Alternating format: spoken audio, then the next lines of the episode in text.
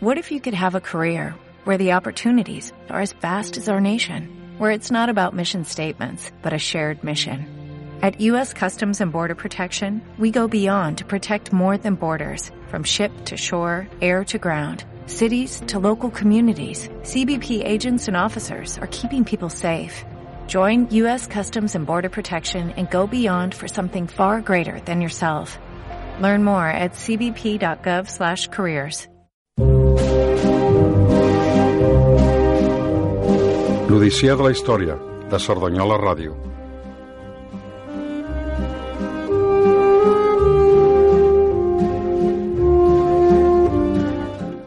Bona nit i benvingudes un altre dilluns al nostre programa.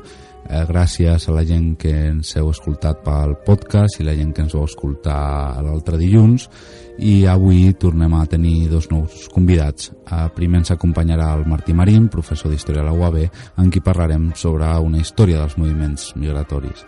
Després vindrà el Ramon Martos i Calpena, eh, ripolletenc, historiador, eh, doctor en Història, per la Universitat Autònoma de Barcelona i parlarem sobre la migració a Cerdanyola i Ripollet al segle XX. El control tècnic ens acompanya l'Abraham aquesta nit, jo sóc l'Ivan Garnelo i això és l'Odissea de la Història. Comencem.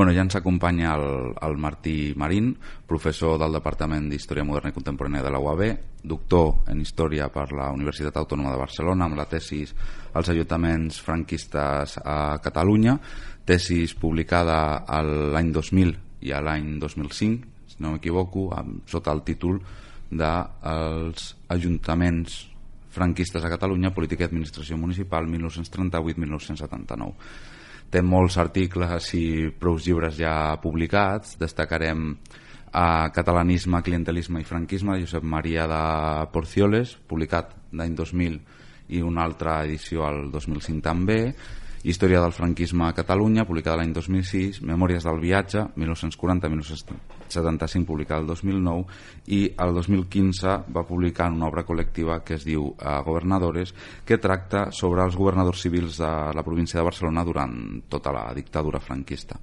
currículum extens, ample, ja són prou anys des del 93 que, que vas acabar la tesi fins a l'any 2019 i bueno, mm, benvingut i, i bona nit. Bona nit, moltes gràcies. Bueno, volíem, t'hem portat avui per parlar una mica de, de, de la migració. La migració és un dels temes amb més rellevants, pot ser política a dia d'avui, en els últims anys, que dona plena planes de diaris, de debats, debats ja sigui a les palestres, ja sigui de, dels parlaments, ja sigui al, al, als mítings, ja que en, en, en no gaire temps tindrem, tindrem campanya electoral estem, bueno, ja hem buitits en, en buits enmig d'una campanya electoral. I sentir-ne parlar molt però penso que a vegades no, no sabem dir què vol dir migrar. Llavors la primera pregunta és què és migrar o millor dit què són els moviments migratoris? Uh, tenim una tendència generalitzada a pensar que la humanitat és sedentària i que el moviment el desplaçar-se, el canviar de, de lloc de viure a més o menys distància és l'excepció. I és una percepció molt errònia. La humanitat en la seva aparició sobre el planeta era nòmada va ser nòmada la major part del temps i encara en, el, en els segles moderns i contemporanis ha continuat migrant més del que no sembla. Tenim per tant una perspectiva farsa. Migrar, migrar probablement és el més habitual. Canviar de lloc de residència no vol dir res més Llavors, des de quan i, i per què migren la, els éssers humans, les persones? A la recerca d'un lloc que els satisfagui més per a desenvolupar la seva vida. En, tots els, en tota l'extensió de la paraula vida. I, de, I des de quan podem parlar de migracions? A veure, parlem de migracions en termes contemporanis a partir de l'edat contemporània. És a dir, els, en altres èpoques els estats no estaven especialment preocupats per les migracions excepte si eren migracions de sortida excepte si els seus súbdits marxaven cap a una altra banda perquè era un mal indicador en l'actualitat és una qüestió diguem, de regular els fluxos de la, de la població tant de sortida com d'entrada, com allò en totes direccions, perquè els estats avui controlen molt més la vida dels seus ciutadans que en el passat. Immigrant, emigrant, en dues paraules, quina, quina és la diferència? És que per la gent que ens, que ens escolta que puguin entendre perquè a vegades es, es confonen els conceptes. Es parla d'immigració quan es vol dir emigració es parla d'emigració quan es vol dir immigració. Es, es refereix simplement a la perspectiva des de que te'ls mires. Un és emigrant des del lloc on surt i un és immigrant al lloc on arriba. D'aquí que de vegades utilitzem la paraula genèrica migrant sense cap mena de prefix i aleshores ens referim a tots um, sempre la migració sempre es parla d'externa i interna. A vegades focalitzant-se sempre molt més en l'externa que no pas en la interna dins sobretot del món occidental per cas, cas de l'estat espanyol. Però per què es divideix o a què té aquesta divisió de migració interna i externa? És una qüestió político-administrativa. És dir, les fronteres que compten són les dels estats. Uh, per tant es considera interna la que hi ha dins d'un estat i es considera exterior la que travessa alguna frontera estatal. Això no vol dir que aquestes migracions siguin molt diferents. M'agrada posar l'exemple aquell de travessar el Minyo et pot convertir en un immigrant a Portugal o a Galícia encara que només t'hagis mogut 10 o 12 quilòmetres i en canvi doncs, anar des de Cádiz fins a Bilbao eh, implica que no t'has mogut del teu país i que per tant no ets un, un, un migrant en el mateix sentit i ja es veu que no té sentit no? que el canvi és molt més gros. Bueno, el canvi, el, jo, jo per exemple aquí vull introduir la meva, la meva perspectiva personal ja que jo sóc un migrant. Jo vaig néixer a, a la província de, de Lleó molt a prop de Galícia i fa set anys, gairebé vuit que, que sóc a Catalunya a Cerdanyola del Vallès. Uh, i sóc un migrant i la meva vida ha canviat molt. Potser ja ho he deixat de ser que això és una, un, una següent pregunta que és jo parentejo el meu cas no? sempre quan un migrant deixa de ser migrant no? Uh, en termes estrictes és migrant mentre es mou i deixa de ser-ho quan ja s'ha aturat per tant a la que t'instal·les amb una mínima de regularitat en un mateix lloc has deixat de ser migrant ara bé la paraula migrant també té connotacions de tipus polític i de tipus identitari a partir d'aquí eh, és com et veuen els demés. No només com et veus tu o com pots descriure la teva realitat.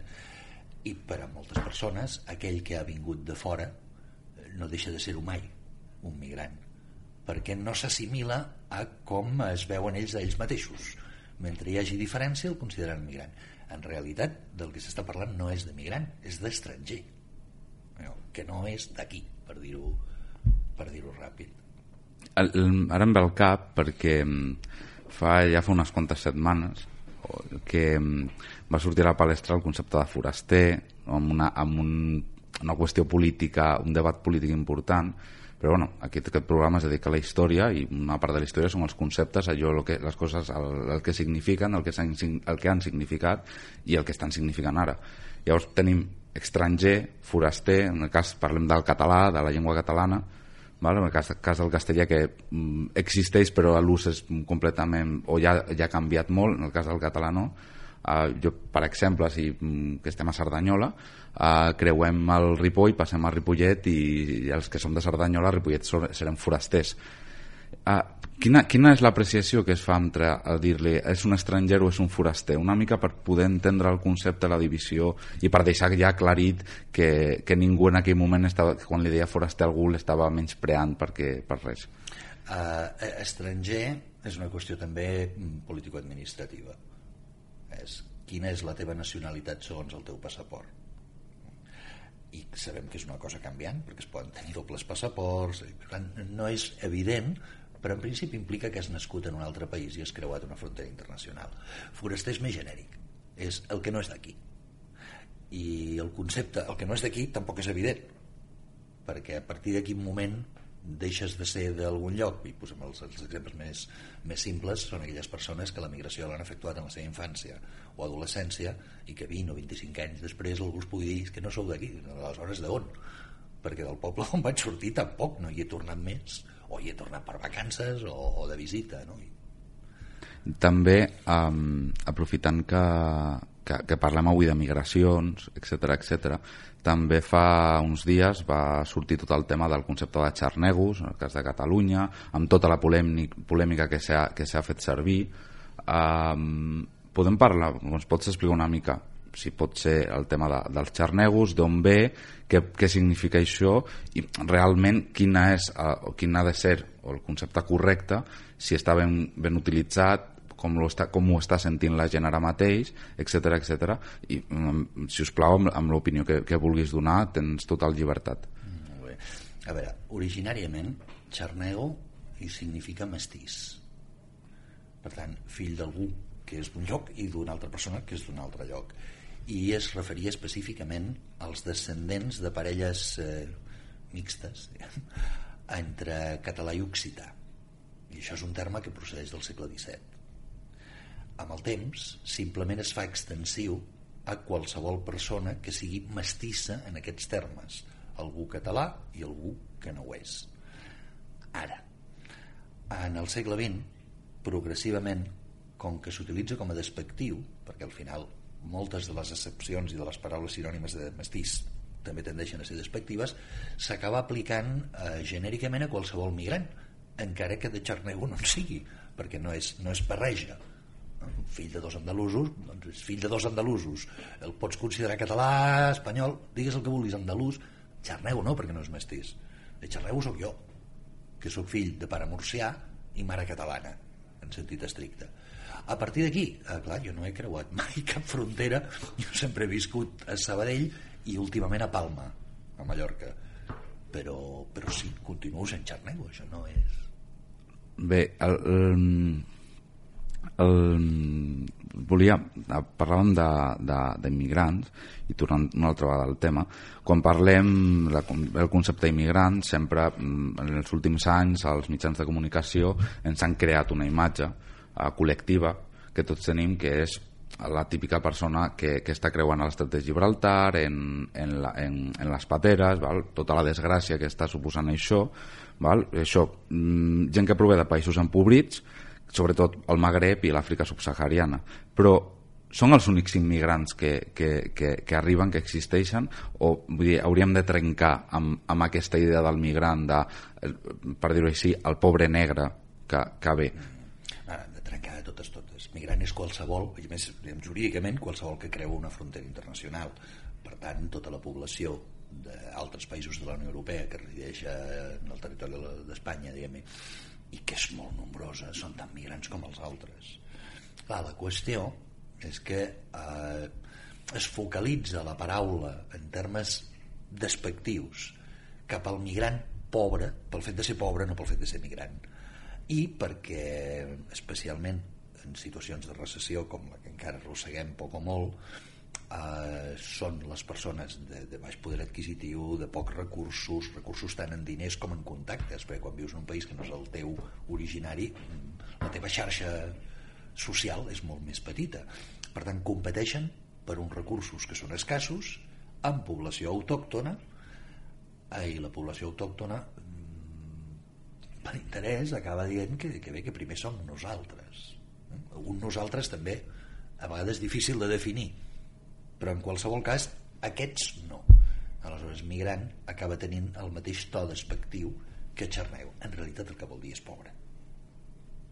Eh, recorda una, una cançó d'un grup satíric que, que no, no sé si la gent que, que ens escolta el coneixerà que es, es diu GT Calor val? un grup prou interessant i prou divertit de, de l'escena musical de, del País Valencià i, i de l'estat espanyol que van fer una versió de, de l'Common People de The Doors que es diu la gent, la gent estrangera.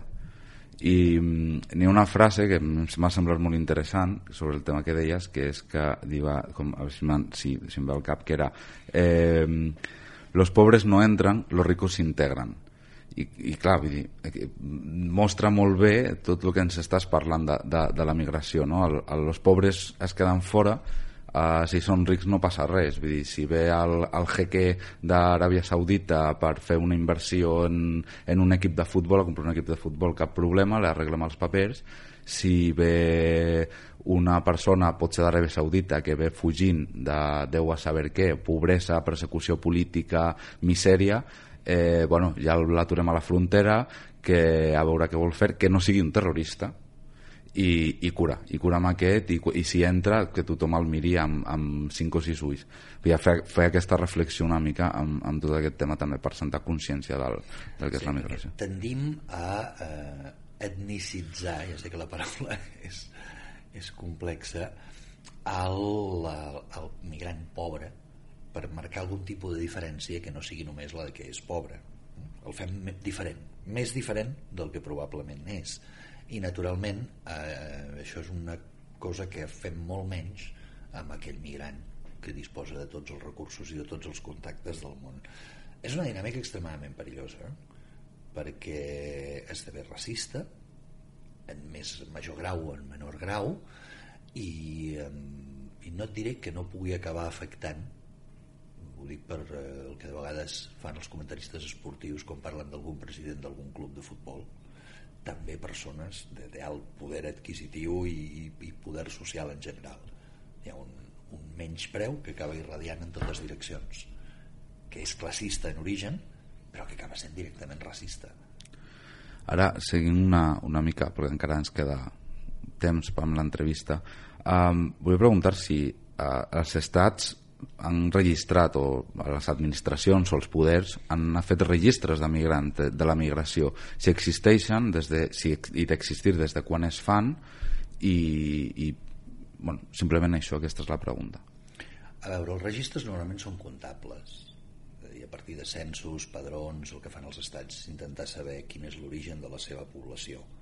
De vegades no saben molt bé per què ho volen perquè població nascuda fora de, posem, Espanya, que porti molts anys de residència, no es pot sumar en cap sentit a població que porti aquí un any, dos anys, tres anys, perquè les seves situacions són completament diferents. Però, eh, ni que sigui a nivell estadístic, per fer-se un quadre general de com és la població, se la registra per lloc de naixement, això ho diem, ho estem tots. Però no és una qüestió personalitzada es fan registres de migrants quan es tracta de migrants quan es tracta de migrants que en algun cas tenen algun tipus de dimensió política això sí que ho tenen tots els estats és aquell migrant que solem anomenar-lo refugiat perquè llavors sí que el seu estatus és diferent el seu estatus reconegut no? les circumstàncies del migrant pobre poden ser les mateixes però no li han estat reconegudes en cap moment perquè no ha tingut una participació política que s'hagi registrat aquí. Llavors, l'exiliat, el, el refugiat, aquest sí que està registrat de manera personalitzada. Però no es té un especial control de la població un cop s'ha regularitzat la seva situació. I si no s'ha regularitzat el control és per expulsar-los directament, és dir, no és registre és eh, recerca, captura i deportació o internament volia um, ens saltarem algunes normes tot i que a nosaltres encara no ens han imposat que és parlar dels exiliats parlar d'exili, direm exili. És una cosa que es treballa en la història i, i bueno, aquí no tenim por i treballem amb la llibertat d'expressió. Llavors podem dir la paraula, la paraula exili. Volia preguntar això per, per la migració però en tant que exili en el cas de, de l'exili republicà una cosa que l'exili normalment si no entès, mal, no entès malament sempre és per raons polítiques. Ni una raó política, m'he d'exiliar obligatòriament perquè si em quedo aquí m'enxamparan m'afusellaran en el cas de la dictadura em ficaran a la presó o el que sigui. Llavors quina, quina diferència n'hi ha entre què és l'exili, què significa l'exili com a concepte dins de l'entorn de les migracions? L'exili és una part de les migracions. L'exili sempre l'exiliat l'entén com una qüestió temporal el que passa és que no pot eh, predir el futur i per tant bona part de l'exili republicà té unes dimensions i una durada que acaba esdevenint migració perquè és definitiu. No, no hi ha retorn per a la majoria. Per tant, dins el, dins el concepte gros de migracions l'exili seria una de les seves variants. Eh, la qüestió sempre és política el que passa és que eh, estàvem acostumats en, en, en altres èpoques, que dir els historiadors, a veure l'exili com una qüestió de minories. Clar, les grans guerres del segle XX i el, el caràcter especialment sagnant que han recollit han convertit l'exili en el que avui en diem crisis de refugiats. Les crisis de refugiats són un exili massiu encara que no hagin ocupat càrrecs específics perquè també la repressió que els ve al darrere és una repressió massiva per tant mm, acaba convertint-se en un fenomen qualitativa i quantitativament diferent del que havia estat no són alguns quadres dirigents o líders polítics que marxen, sinó que són desenes de milers o centenars de milers de persones. Seguint amb el, amb el tema de les migracions i fent aquest apunt sobre, sobre l'exili, sobre el concepte exili, la paraula exili, paraula cal dir molt perseguida últimament, no, alguns no, no entenen per què ni, ni a què pot atendre això i no entrarem tampoc a valorar-ho. No és l'espai. Però entrant en tema de migracions migracions dins de l'estat espanyol eh, els canvis i moviments de poblacions de l'estat espanyol dins dels últims 100 anys durant, sobretot al segle XX que han estat estudiades tu, el, el Martí les ha, les ha estudiat en diverses ocasions. De fet el, imparteix una assignatura al màster d'Història Contemporània de, de l'Autònoma concretament sobre, sobre migracions i moviments migratoris. Què, què ha suposat aquest, com ha transformat l'estat espanyol aquestes migracions en el segle XX i quines han estat les raons de totes aquestes migracions? Hi ha una dinàmica de fons que segueix tota l'etapa contemporània, són pràcticament 200 anys, que és la concentració de la població en àrees urbanes. Això ha travessat també l'experiència espanyola com ha travessat la majoria de països, perquè eh, vivim i ens relacionem en termes laborals econòmics d'una manera diferent la intrahistòria d'aquesta concentració, d'aquest èxode rural cap a les ciutats no és igual a tots els països ni s'ha produït per, pels mateixos motius ni amb els mateixos calendaris. I en el cas espanyol és molt dramàtic perquè el punt de no retorn de l'èxode rural es travessa durant la Guerra Civil. I es travessa durant la Guerra Civil perquè el règim fa insuportable la vida en els espais rurals per a totes aquelles persones que han perdut la guerra. Uh, perquè els espais rurals són més petits, perquè tothom es coneix, perquè la repressió és molt més quotidiana, constant, perquè no hi ha on amagar-se, i això, aquesta circumstància específica és la que descapdella els moviments migratoris dels anys 40, 50, 60 dins de, del territori de l'estat espanyol que avui coneixem. Comença pels vençuts i a poc a poc es va fent pilota de neu i es va convertint en el moviment massiu aquest que tothom recorda i que identifica molt amb els anys 60 i a vegades 50 però que hem de tirar molt més enrere perquè així com hi ha espais del territori espanyol en els quals aquest fenomen de la migració camp-ciutat ja s'havien començat a produir molt abans n'hi havia d'altres que no a mi m'agrada ressaltar sempre allò província de Còrdoba província de Còrdoba eminentment rural fins a la Guerra Civil rebia població. No l'expulsava perquè era relativament pròspera.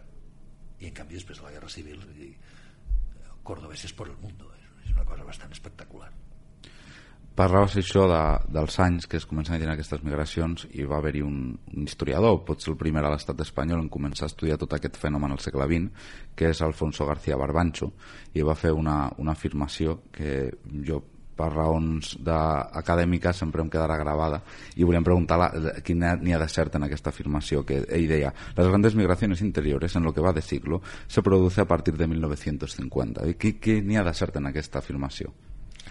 És una afirmació política Alfonso García Barbancho era un acadèmic de prestigi no dubtar-ho, però també era un servidor de la dictadura eh, falangista a Machamartillo.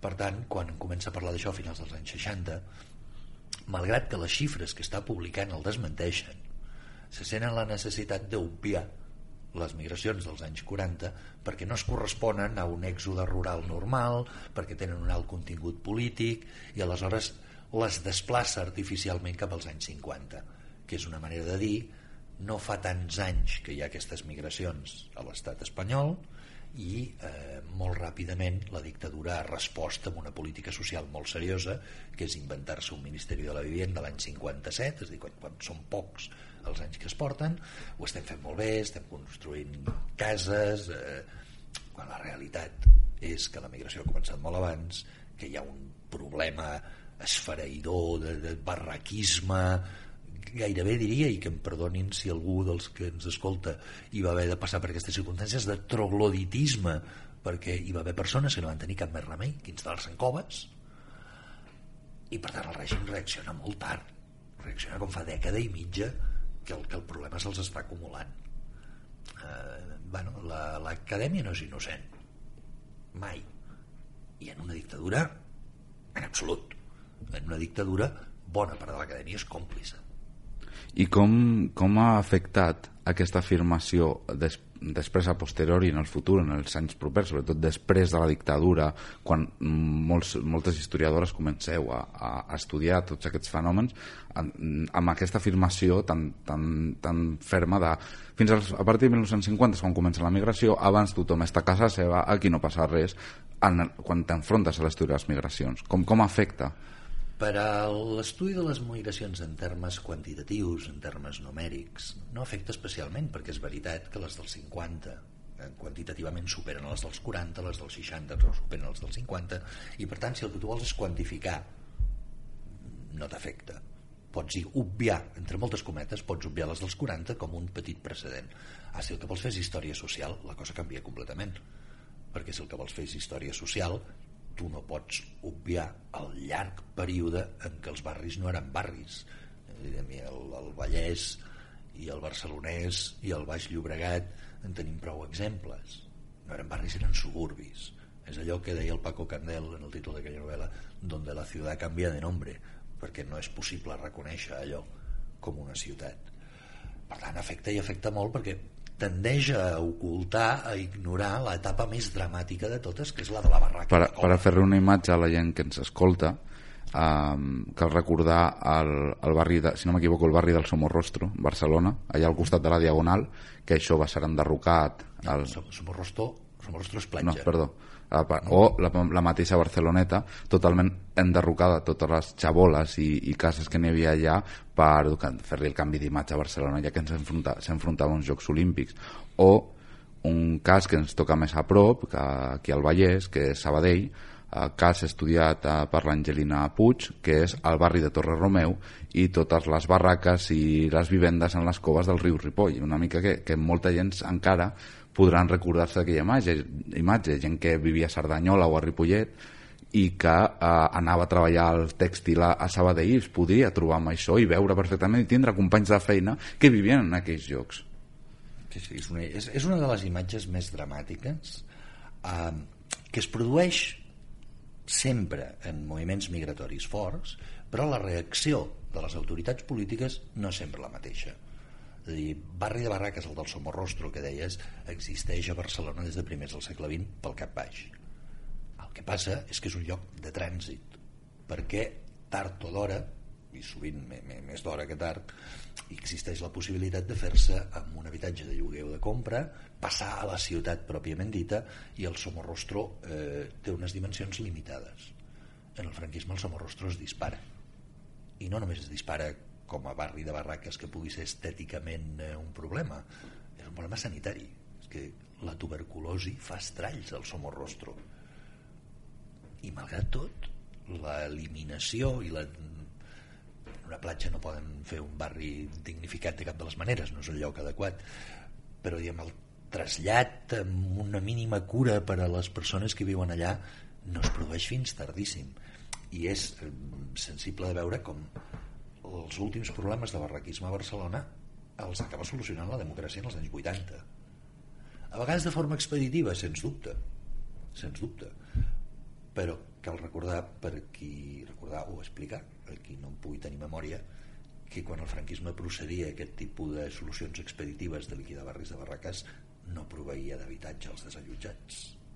Podien anar temporalment a ser allotjats en una presó com va passar a Lleida amb el barri del Canyaret o podien ser tancats en un camp d'internament com va passar a Barcelona al Palau de Missions i obligats a retornar als seus punts d'origen.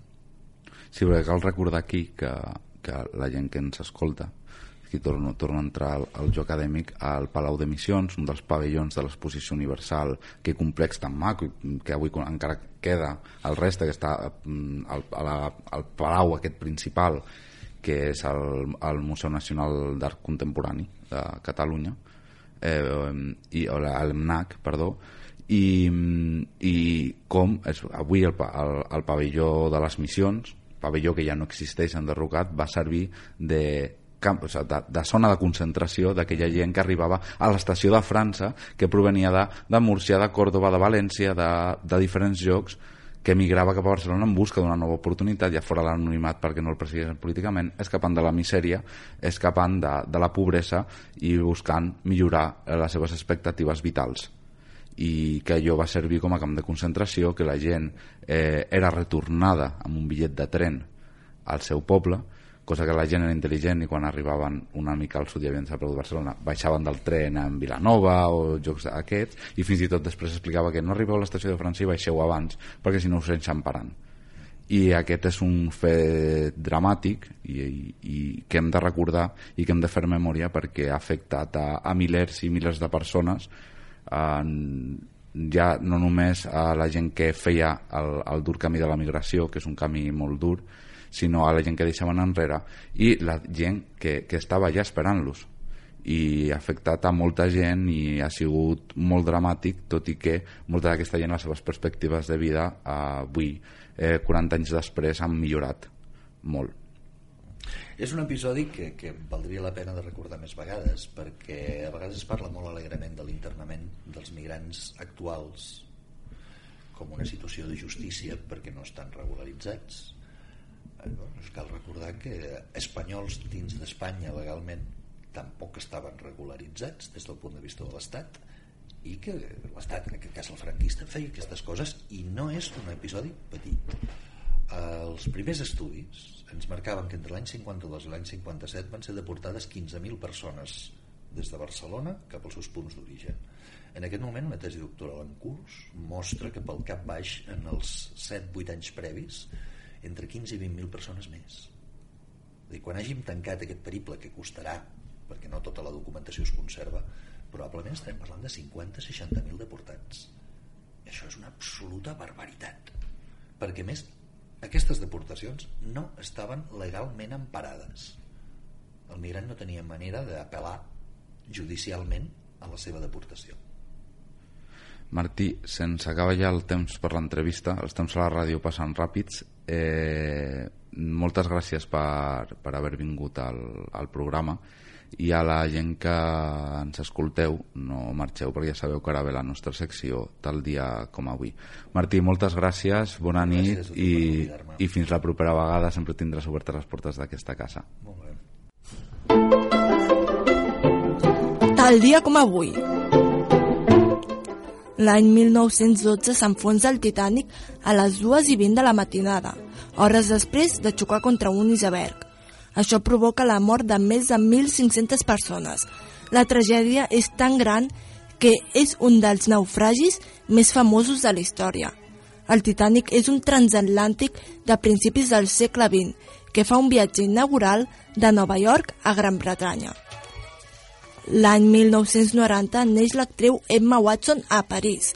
Dels 9 als 19 anys, dona vida al personatge de l'Hermione de la saga de Harry Potter. Un cop s'acaba la saga, actua a pel·lícules com a personatge secundari, com ara Les avantatges de ser un marginat, Noah, La vella i la bèstia o El cercle. Actualment és impulsora de la campanya feminista He for She, creada el 2014. L'any 2015 mort Teresa Soler i Pi, més coneguda com a Teresa Rebull, cantautora catalana durant l'època republicana. Rebull ha rebut diversos premis de reconeixement a la Creu de Sant Jordi, l'Òmnium Cultural i el Premi Memorial Francesc Macià.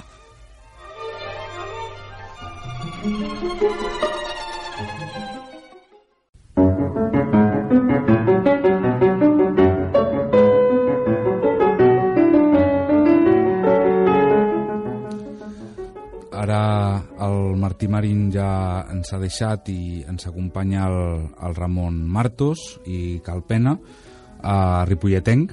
Avui tenim a, algú de, del poble de, de l'altra banda del riu Ripoll.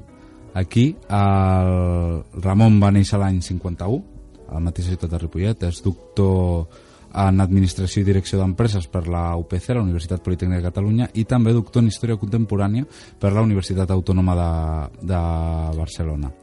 Diplomat en Gestió d'Equips per la SADE també. Ha, ha fet docència en els màsters i postgraus a, tant a la UPC com a la UAB i a, i a la UAB, bueno, concretament professor del Departament d'Organització d'Empreses de la Facultat de Telecomunicacions de la, perdó, de la, de la UPC. Uh, comptem amb el seu testimoni també perquè ha estat membre actius de, dels moviments clandestins de, durant els últims anys de la, de la dictadura.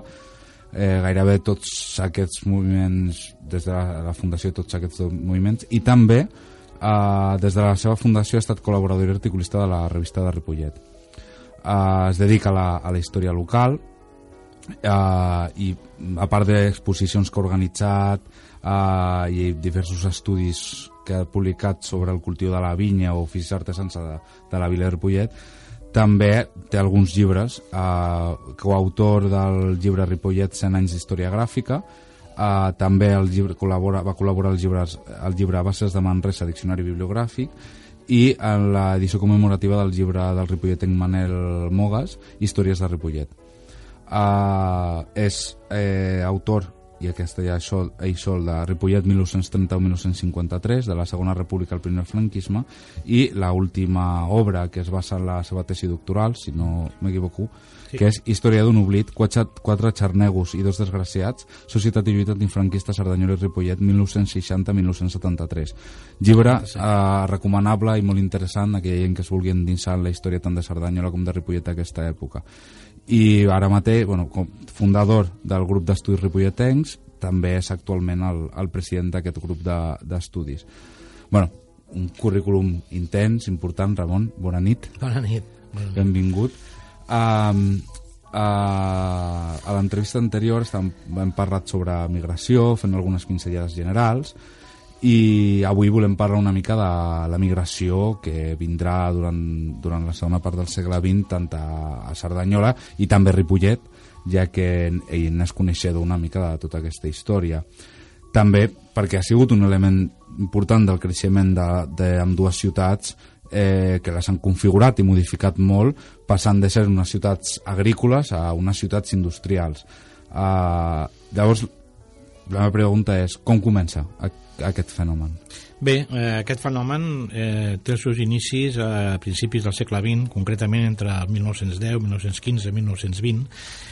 En aquest període hi ha una arribada ja important, eh, pràcticament doblaran la població, que no és que fossi molt alta, tant a Cerdanyola com a Ripollet, i passaran doncs, dels 1.500, arribaran a tindre doncs, els 3.000, 3.500, els dos pobles.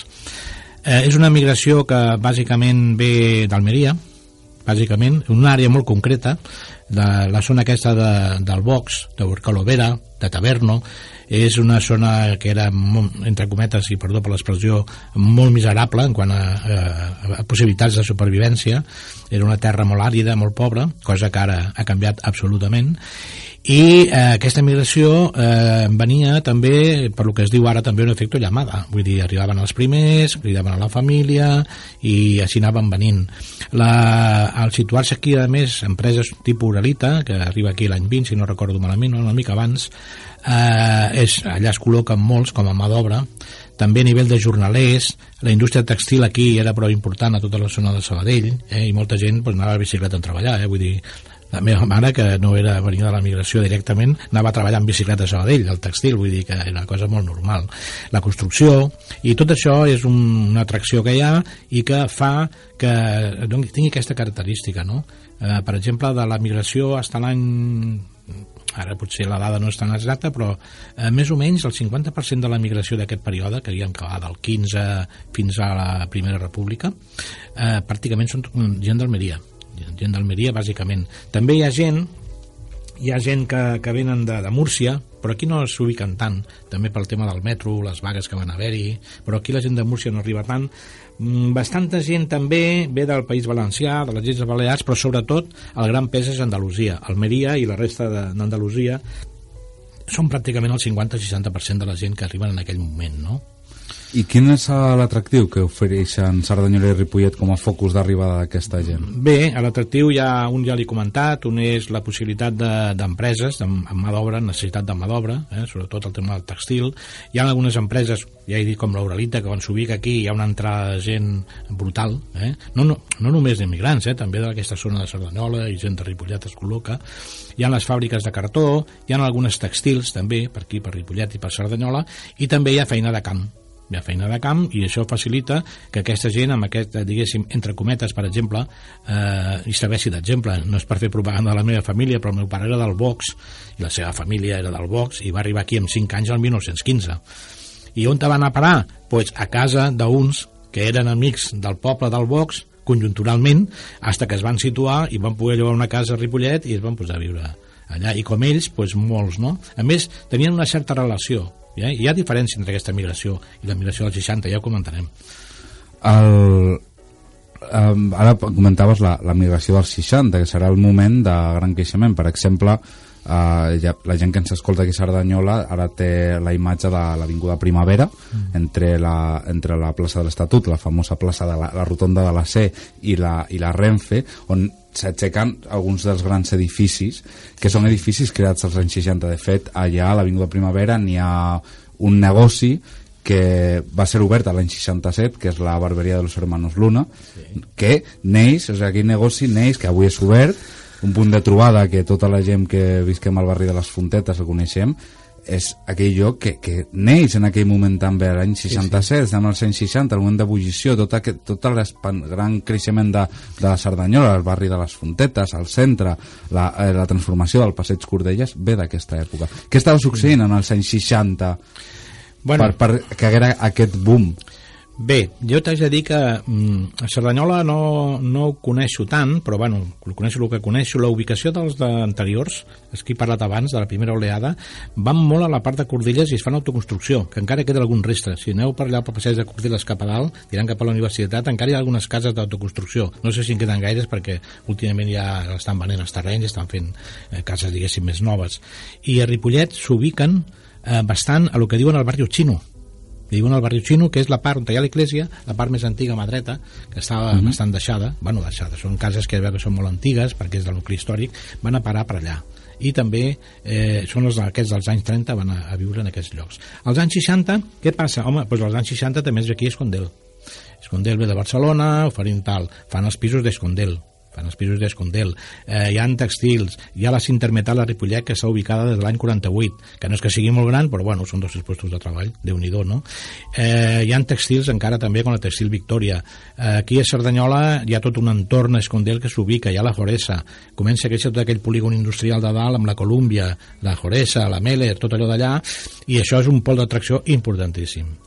Què passa? Que es dona el mateix fenomen que es va donar als anys 30 però multiplicat eh? multiplicar per 3 i per 4.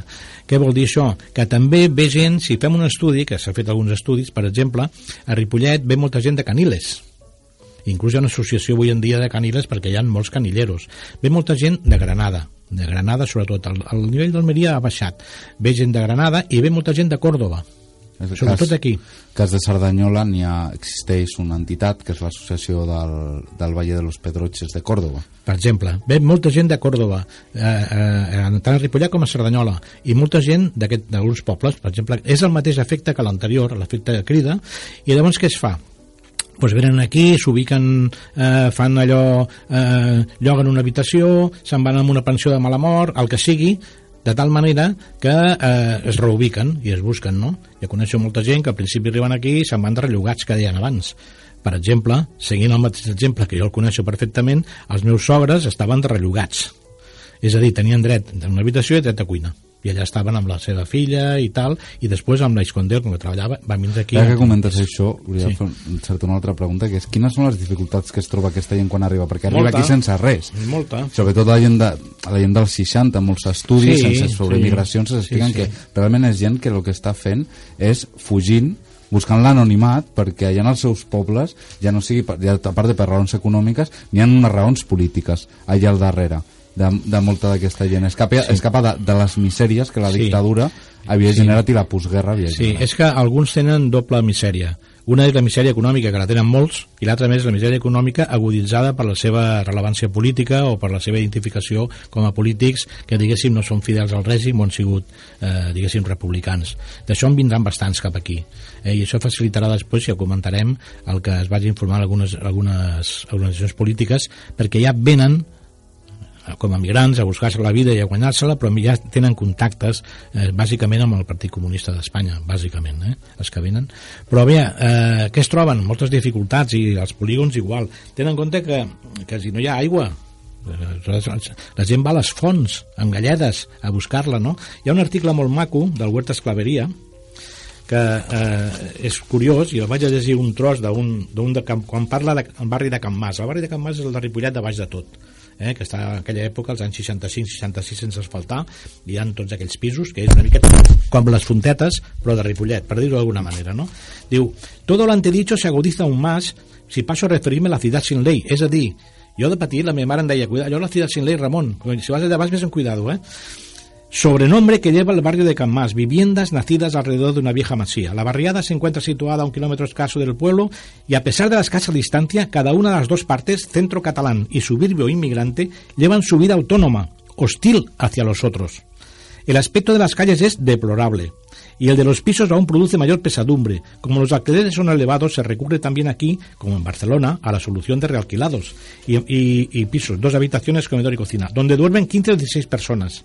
Así nada de extraño que los bares estén abarrotados. Cualquiera se está en casa i tal, tal. Vull recordar, amb això que diu Huerta Esclaveria, que la migració actual estem dient que si estan 8 o 10 en un pis, pues això no és tan estrany. Als anys 60... Ni és nou. Ni és nou. Als anys 60 ja veus que Huerta Esclaveria està dient que estan 10 i 15, que és el que he dit abans dels rellogats i de tirar endavant com fos. Després ja aniran resituant. Ara, amb aquest tema de les arribades i mirant el tema de les dificultats, la historiadora Angelina Puig va treballar sobre el barri de Torre Romeu a Sabadell sí. i parlava del xabolisme o, i, i les barraques del, i les coves també al riu Ripoll eh? la gent, si té una mica de visió el barri de Torre Romeu està a l'altra banda del riu Ripoll està a sobre d'un turó i en una part baixa una pendent que és la que per on passa el riu Ripoll i, i bueno, que és aquesta gent que inicialment s'instaurarà allà, després pujarà al barri, anirà conformant el barri, el farà créixer, créixer perquè compraran de les, de les dos o tres masies que hi ha allà, trossos per construir, etc etc. Aquest, la meva pregunta és si aquest fenomen existirà a Ripollet i a Cerdanyola. Uh, no. no, no existeix en aquest sentit. Per, uh, per què? Perquè uh, Cerdanyola, i, o sigui, Cerdanyola creix cap enrere, no, no creix a, al costat del riu, enganxat, amb barraques, amb xaboles, això passa molt a les arenes de Rubí i passa molt a Terrassa, a tot el que és el, el que passa a la ria de Terrassa per allà. Eh, I a Ripollet se'n van a viure a la part de dalt, Igual que abans t'he dit que allà a Cordelles hi ha molta autoconstrucció, encara queda Ripollet, a la part de dalt vol dir de la Rambla de Sant Jordi en amunt. Allà dalt se'n van i fan autoconstrucció. Treballen els dissabtes, els diumenges, amb la família, fan en quatre totxos i es van fent la casa, no? I això és autoconstrucció. I a més a més Ripollet està situat amb una, amb una pujadeta a l'església. Per tant, a baix el que hi ha són les, les empreses de cartó. No sé si les has vist alguna vegada. Les empreses que feien cartó són les que estan al llei del riu i els horts. I hi ha alguna casa, com els Massacs, que és l'alcalde, hi ha una de Can Roqueta que se la van portar al riu i van morir la família, i llavors també hi ha uns relogats, hi ha dos o tres cases més avall, el que és ara carrer Balmes, que hi ha pisos, hi ha dos o tres casetes allà que alguns que dormien en un sòtano pues, van morir també ofegats eh, realment la situació de Ripollet no és la mateixa ni de Cerdanyola, perquè Cerdanyola en definitiva també el que toca el riu és Ripollet. No és Cerdanyola, però bueno, independentment de la part aquesta administrativa la, allà no va haver-hi, no hi havia els pisos aquests que coneixem ara com l'autopista la, amb el barri del Pont Vell allà hi havia el barri del Pont Vell però hi havia el celler. Hi havia el celler que en aquell moment no estaven treballant. I llavors hi havia horts allà més endarrere que feien préssecs i coses d'aquestes. Vull dir que era una situació diferent no? per tant aquí no es dona el que es va donar més amunt que va ser una matança perquè hi havia un desordre total fent barraques com podien i tal a la llet del riu agafant terrenys i tal. I això va passar molt a Rubí a Terrassa sobretot i tota aquesta llau de gent, totes aquestes construccions, l'aparició de, de, de noves vivendes, ja siguin autoconstruccions o l'aparició de pisos, com ha transformat a les ciutats? Bueno, abans, abans jo he dit una cosa que no sé si fins a quin punt és, bueno, és demostrable, però tampoc no és que ara tingui la dada exacta. La migració dels anys 15 a l'any 30, per dir d'alguna manera, és una migració que no fa, entre cometes, i demano disculpes, guetos. O sigui, s'integra molt en la població viuen, viuen allà i tenen una integració molt alta no sé, us permet, diguéssim, assumir molt, inclús te'ls pots trobar i et diuen que són d'Almeria i, i, i, perdó per l'expressió, però quasi caus de cul, perquè tenen una integració molt elevada, molt elevada, no? La migració dels 60, degut a la seva massificació i a la seva ubicació en barris tipus Can Mas i tipus tal, hi ha algunes tendències que es van superant i es van treballant perquè no sigui així, a fer una miqueta de pinya, no? Com, com, com més exclusiu, com més... Eh, no sé, per exemple, tot el tema folclòric, que eh, abans de l'any 30 no era tan important, vull dir, a nivell folclòric, vull dir, el cantejondo i això, que està bé, eh, i ho respeto totalment i em sembla molt bé, però vull dir que en, aquella, en aquesta migració no es donava tant. En canvi, amb la migració dels 60 sí que venen més amb les arrels culturals, sí que és més massificat, sí que hi ha més, més diguéssim, aglomeració d'aquest tipus, i, bueno, mm, és una de les diferències que hi ha entre una migració i l'altra. Una és aquesta, no? Però, bueno, això no vol dir que es vagi, es vagi treballant bé i també hi hagi un nivell d'integració important i el, els ajuntaments, tant als anys 30 com després en els anys sí. 60, eh, com, sobretot en els anys 60, com s'enfronten a aquest sallau de gent que venien buscar oportunitats que no tenien als seus pobles? Bueno, hi ha diversos fugint problemes. De, perdó, fugint de la sí, misèria. Sí, que... sí, hi ha diversos problemes. El que fan, el que fan inclús ho fa a nivell privat, eh, apareixen moltes pensions i pensions d'aquest tipus, diguéssim, barates, eh? tant a Ripollet, a Ripollet n'hi ha 3 o 4, com a Cerdanyola això vol dir que, que venen, a vegades venen gent que estan casats però venen ells primer, se'n van a la pensió o se'n van de rellogats i, eh, i llavors criden quan ja estan situats, quan ja estan treballant per Escondel o el que sigui, no? I com ho afronta l'Ajuntament? Pues, bueno, facilitant que es facin molts hostals d'aquest tipus, molts hostals i moltes pensions. Hi ha un problema amb l'aigua. Llavors, a l'aigua, en aquella època, estava limitada a uns eh, metres cúbics determinats, que era per una població determinada. Amb l'arribada de tot això, això es dispara, no saben com fer-ho, i durant cert temps es va treballant, es va demanant més, més subministre, més metres cúbics, i llavors es treballava molt amb uns pous molt concrets, aquests pous no donaven per tanta població, i el sistema de fons, que pots veure en algunes fotografies històriques, tant de Solana com de Ripollet, segueix funcionant. Molta gent té que anar a la font a buscar aigua. Estem parlant de l'any 60, 65 i 66, eh? no estem parlant tampoc de, del Pleistoceno, no? És el tema de l'aigua. El tema de la sanitat també estava força malament. Eh? Eh, la gent a vegades té poca memòria històrica, però en aquí només teníem la Creu Roja, que amb, amb un practicant per tots i uns metges de capçalera que eren dos o tres i a la Creu Roja tenia que anar a Creu Roja i llavors què feia la gent? Es tenies que fer una cosa que es deia la iguala què era la iguala? Que els metges cobraven, diguéssim, com si fossin socis d'ell i llavors anaven a casa seva i podien a casa seva pues, a fer-se revisions i tal.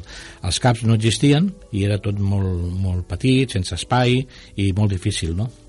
Llavors, diguem-ne que els ajuntaments no, no estan donant, prestant servei. No. Diguem-ne que, que, que ignoren el programa més enllà de mm, facilitar jo, no, no és que l'ignorin, si haig de ser sincer, perquè amb la, el treball que he fet del, del llibre, del 60 al 77, els ajuntaments sí que van reclamant. Els ajuntaments han reclamen, escolta, necessitem més aigua, necessitem més serveis. Les escoles estan a tope, imagina't, estan, hi ha classes de 60 i 70, i, i d'alguna manera reclamen, però bueno, com que no els hi fan cas, tampoc és que siguin uns grans lluitadors per, per aquestes coses. I, i, i per tant la situació dels serveis als anys 60-72 és molt, molt, molt dolenta molt dolenta.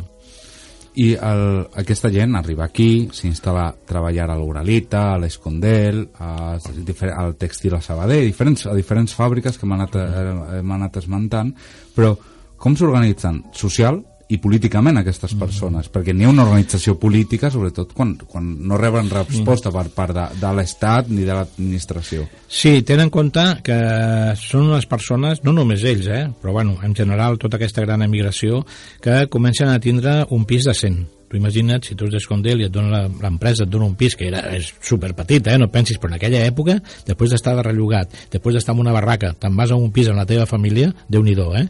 Arriba la televisió, arriba als 600, eh, tot això és un impacte econòmic que fa que l'organització política, a més a més de la repressió dura que hi havia, que la gent no ho parlava però quasi tothom era conscient de lo que hi havia, personalment eren conscients, eh, fa que sigui molt feble. Són molt pocs els que s'organitzen sobretot des de l'any 70, de l'any 60 a l'any 70, jo el tinc comptabilitzat, no sé si el tinc per aquí, val la pena, però és igual, no es tracta que donem dades, els militants compromesos són pocs, són pocs comparat amb la població. Sí que a vegades amb els convenis, tipus Condel, l'any 65, contra les 12 hores, mobilitzen gent. jurats, enllaços, però com a compromesos, compromesos, allò amb la clandestinitat i amb les organitzacions, són pocs. Són pocs. Ara, eh, aquest efecte de desenvolupament econòmic i d'una millor vida i començar a viure una mica més dignament pues, fa que doni un cert nivell de desmobilització, si vols, política i els plantejaments polítics quedin una mica endarrerits o quedin, quedin allà eh, parats, no? Ja et dic, la televisió, els 600, el pis, eh, el millor benestar, I ara, com ens centràvem en l'últim llibre que has publicat, aquest, sí, el sí. de Història d'un oblit, oblit quatre, quatre, quatre xarnegos i, i i dos desgraciats.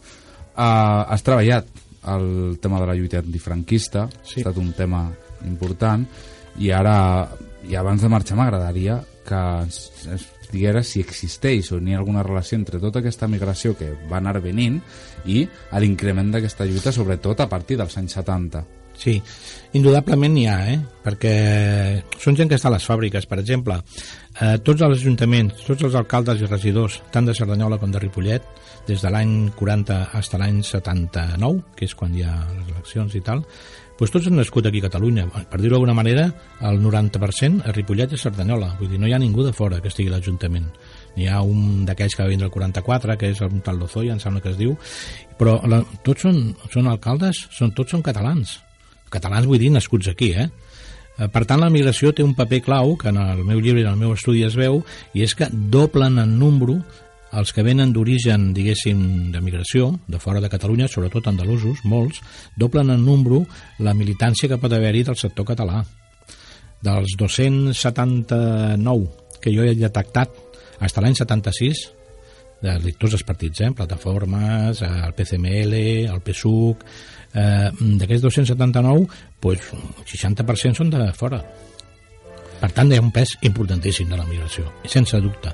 I molts dels que, diguéssim, són del sector català, són de segona generació. Per exemple, jo, el meu pare era d'Almeria. Vull dir, Sí, bueno, que encara continuem mantenint una relació amb els arrels... Amb Bueno, no és que l'hem mantingut o no, però avui som gent de segona generació, que no som de la generació, diguéssim, entre cometes, que han nascut aquí i són estrictament tots catalans catalans, d'alguna manera, no? O sigui que el, eh, va ser una cosa xocant, xocant perquè jo no ho esperava. Jo esperava inclús la, la, el suport al franquisme és altíssim.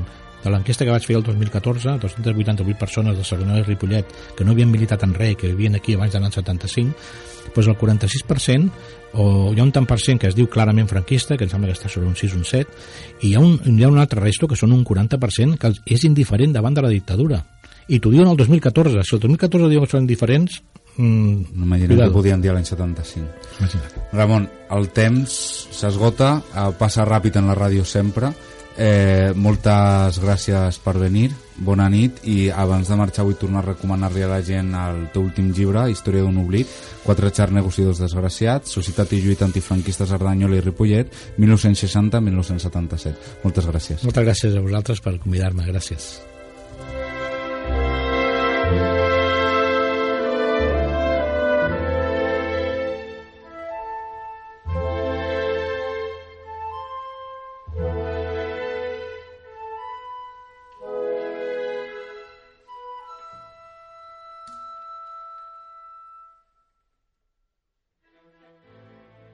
Gràcies per escoltar-nos i ens tornareu a trobar el proper dilluns a partir de les 8 del vespre al 105.3 de la freqüència modulada.